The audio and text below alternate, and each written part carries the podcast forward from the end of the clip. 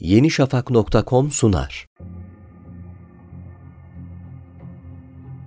Kanuni Sultan Süleyman dışında Osmanlı padişahları arasında bir Süleyman daha olduğunu biliyor muydunuz? Hem de ömrünün 40 yılını sarayın bir odasında geçirip Osmanlı tarihinde en uzun süre veliaht olarak bekleyen bir padişah.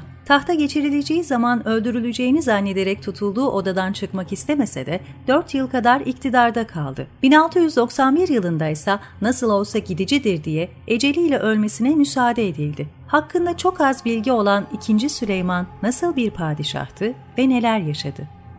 Babası Sultan İbrahim Annesi Saliha Dilaşup Sultan olan 2. Süleyman 1642 yılında İstanbul'da dünyaya geldi. Büyük Valide Kösem Sultan'la Küçük Valide Hatice Turhan Sultan arasındaki çekişme sonucu adı taht için geçmeye başlayınca kardeşleriyle birlikte sarayın Şimşirlik adı verilen özel bölümüne kapatıldı. 40 yıl boyunca sıkı bir gözetim altında tutuldu.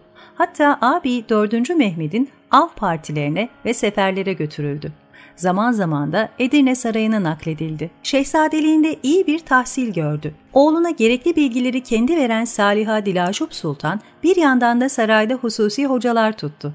1683 Viyana kuşatması ve ardından gelen büyük toprak kayıpları sonrası ise 4. Mehmet'in yerine tahta çıkması kararlaştırıldı. Fakat Şehzade Süleyman 40 yıldır tutulduğu odadan öldürüleceğini düşünerek çıkmadı. İzalemiz emrolunduysa söyle, iki rekat namaz kılayım. 40 yıldır her gün ölmektense bir gün evvel ölmek yeğdir diyerek yerinden ayrılmak istemedi.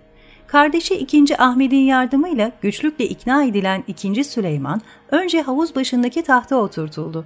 Ardından kuşluk vaktinde Vabusade önündeki saltanat tahtına çıkarıldı. Böylece 2. Süleyman Osmanlı Devleti'nin 20. padişahı oldu.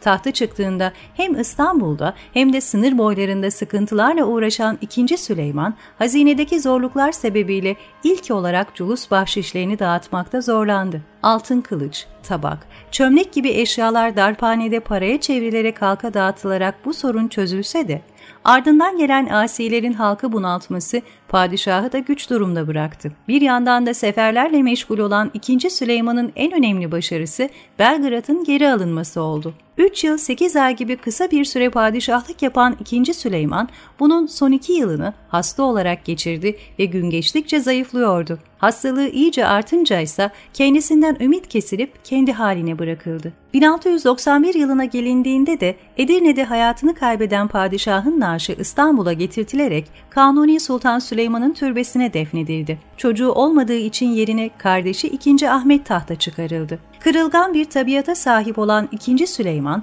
çoğu zaman saraydaki güç odaklarının etkisinde kaldı. Hatta Köprülüzade Mustafa Paşa'nın ikazına rağmen annesinin vefatından sonra haremin başına geçen Kethuda kadını has tayin etti. Daha önce emsali görülmemiş bir uygulama yapan 2. Süleyman, iyi niyetli ve sefaatten uzak, dindar, ikramı seven bir padişah olarak bilindi. yenişafak.com sundu.